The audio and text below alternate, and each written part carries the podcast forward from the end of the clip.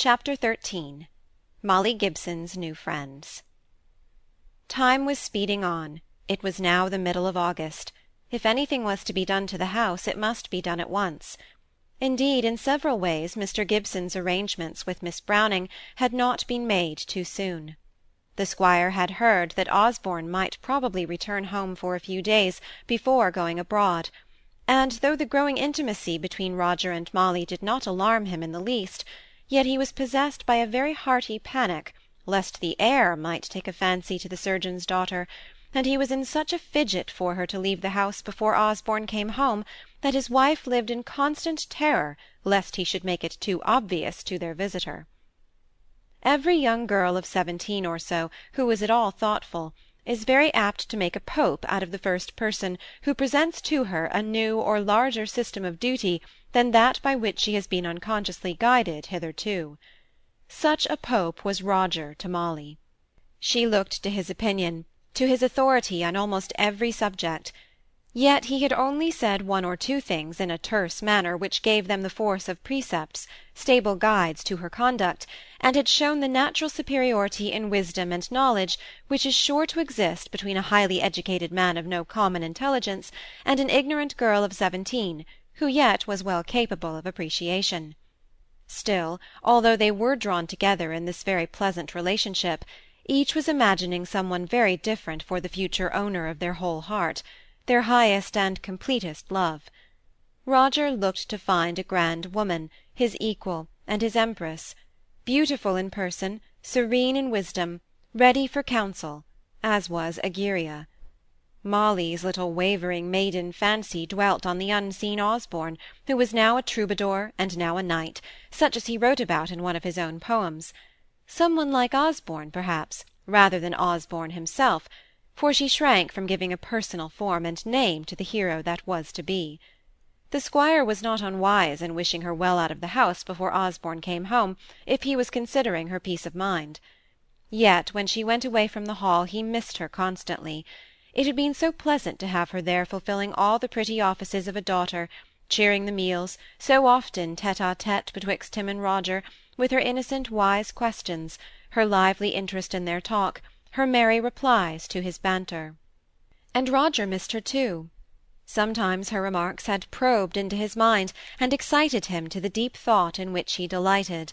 At other times he had felt himself of real help to her in her hours of need, and in making her take an interest in books, which treated of higher things than the continual fiction and poetry which she had hitherto read. He felt something like an affectionate tutor suddenly deprived of his most promising pupil. He wondered how she would go on without him, whether she would be puzzled and disheartened by the books he had lent her to read, how she and her stepmother would get along together. She occupied his thoughts a good deal those first few days after she left the Hall. Mrs. Hamley regretted her more and longer than did the other two. She had given her the place of a daughter in her heart, and now she missed the sweet feminine companionship, the playful caresses, the never-ceasing attentions, the very need of sympathy in her sorrows that Molly had shown so openly from time to time. All these things had extremely endeared her to the tender-hearted Mrs. Hamley. Molly, too, felt the change of atmosphere keenly, and she blamed herself for so feeling even more keenly still. But she could not help having a sense of refinement, which had made her appreciate the whole manner of being at the Hall. By her dear old friends the Miss Brownings she was petted and caressed so much that she became ashamed of noticing the coarser and louder tones in which they spoke, the provincialism of their pronunciation, the absence of interest in things, and their greediness of details about persons.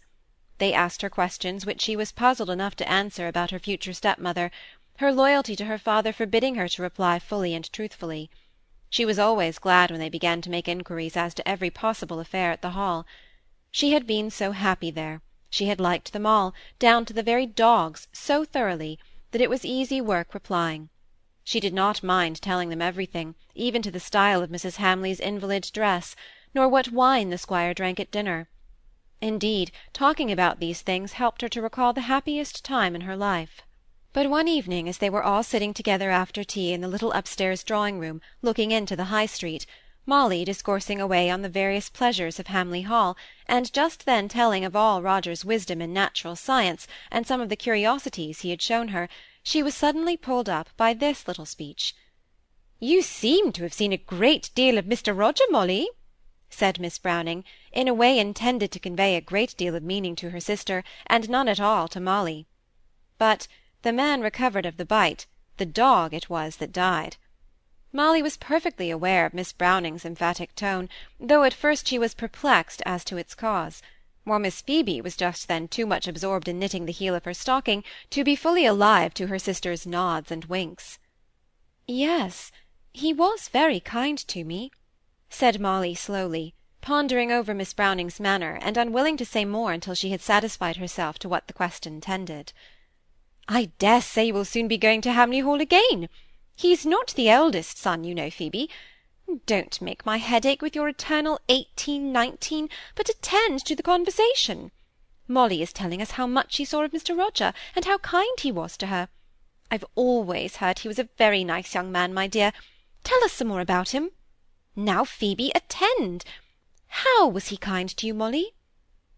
Oh, he told me what books to read, and one day he made me notice how many bees I saw. Bees, child? What do you mean? Either you or he must have been crazy. No, not at all. There are more than two hundred kinds of bees in England, and he wanted me to notice the difference between them and flies. Miss Browning, I can't help seeing what you fancy, said Molly, as red as fire. But it is very wrong. It is all a mistake. I won't speak another word about Mr. Roger or Hamley at all, if it puts such silly notions into your head. Highty, tighty! Here's a young lady to be lecturing her elders. Silly notions, indeed! They are in your head, it seems. And let me tell you, Molly, you are too young to let your mind be running on lovers. Molly had been once or twice called saucy and impertinent, and certainly a little sauciness came out now. I never said what the silly notion was, Miss Browning. Did I now, Miss Phoebe? Don't you see, dear Miss Phoebe, it is all her own interpretation, and according to her own fancy this foolish talk about lovers. Molly was flaming with indignation, but she had appealed to the wrong person for justice. Miss Phoebe tried to make peace after the fashion of weak-minded people, who would cover over the unpleasant sight of a sore instead of trying to heal it. I'm sure I don't know anything about it, my dear. It seems to me that what Dorothy was saying was very true, very true indeed, and I think, love, you misunderstood her, or perhaps she misunderstood you, or I may be misunderstanding it altogether, so we'd better not talk any more about it.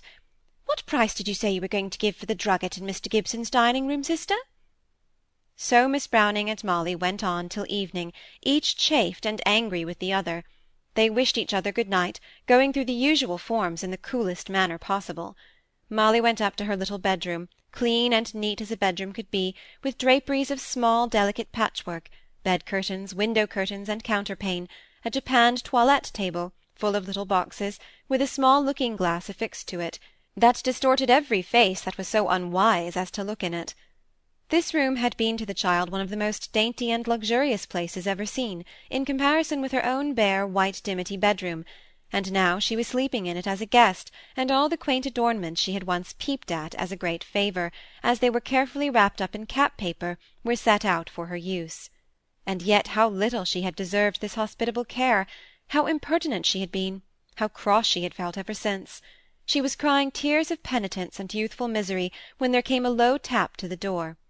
Molly opened it, and there stood Miss Browning, in a wonderful erection of a nightcap, and scantily attired in a coloured calico jacket over her scrimpy and short white petticoat. I was afraid you were asleep, child, said she, coming in and shutting the door. But I wanted to say to you we've got wrong to-day somehow, and I think it was perhaps my doing. It's as well Phoebe shouldn't know, for she thinks me perfect, and when there's only two of us we get along better if one of us thinks the other can do no wrong. But I rather think I was a little cross. We'll not say any more about it, Molly, only we'll go to sleep friends, and friends will always be, child, won't we? Now give me a kiss, and don't cry and swell your eyes up, and put out your candle carefully. I was wrong. It was my fault said Molly, kissing her. Fiddlestick-ends! Don't contradict me. I say it was my fault, and I won't hear another word about it. The next day Molly went with Miss Browning to see the changes going on in her father's house. To her they were but dismal improvements. The faint grey of the dining-room walls, which had harmonized well enough with the deep crimson of the moreen curtains, and which when well cleaned looked thinly coated rather than dirty, was now exchanged for a pink salmon colour of a very glowing hue, and the new curtains were of that pale sea green just coming into fashion. Very bright and pretty, Miss Browning called it, and in the first renewing of their love Molly could not bear to contradict her. She could only hope that the green and brown drugget would tone down the brightness and prettiness. There was scaffolding here, scaffolding there, and Betty scolding everywhere. "Come up now and see your papa's bedroom. He's sleeping upstairs in yours, that everything may be done up afresh in his." Molly could just remember, in faint clear lines of distinctness, the being taken into this very room to bid farewell to her dying mother. She could see the white linen, the white muslin, surrounding the pale wan wistful face, with the large longing eyes, yearning for one more touch of the little soft warm child whom she was too feeble to clasp in her arms, already growing numb in death. Many a time when Molly had been in this room since that sad day, had she seen in vivid fancy that same wan wistful face lying on the pillow, the outline of the form beneath the clothes, and the girl had not shrunk from such visions, but rather cherished them, as preserving to her the remembrance of her mother's outward semblance. Her eyes were full of tears as she followed Miss Browning into this room to see it under its new aspect. Nearly everything was changed, the position of the bed and the colour of the furniture. There was a grand toilette table now, with a glass upon it, instead of the primitive substitute of the top of a chest of drawers, with a mirror above on the wall, sloping downwards. These latter things had served her mother during her short married life. You see, we must have it all in order for a lady who has passed so much of her time in the Countess's mansion," said Miss Browning, who was now quite reconciled to the marriage, thanks to the pleasant employment of furnishing that had devolved upon her in consequence. Cromer the upholsterer wanted to persuade me to have a sofa and a writing-table. These men will say anything is the fashion if they want to sell an article. I said, No, no, Cromer, bedrooms are for sleeping in, and sitting-rooms are for sitting in. Keep everything to its right purpose and don't try and delude me into nonsense.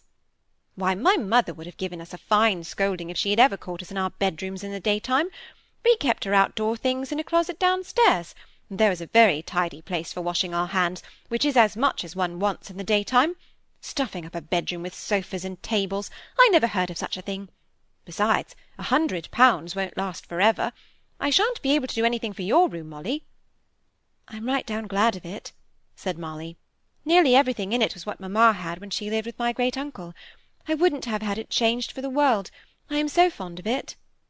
Well, there's no danger of it now the money is run out. By the way, Molly, who's to buy you a bridesmaid's dress?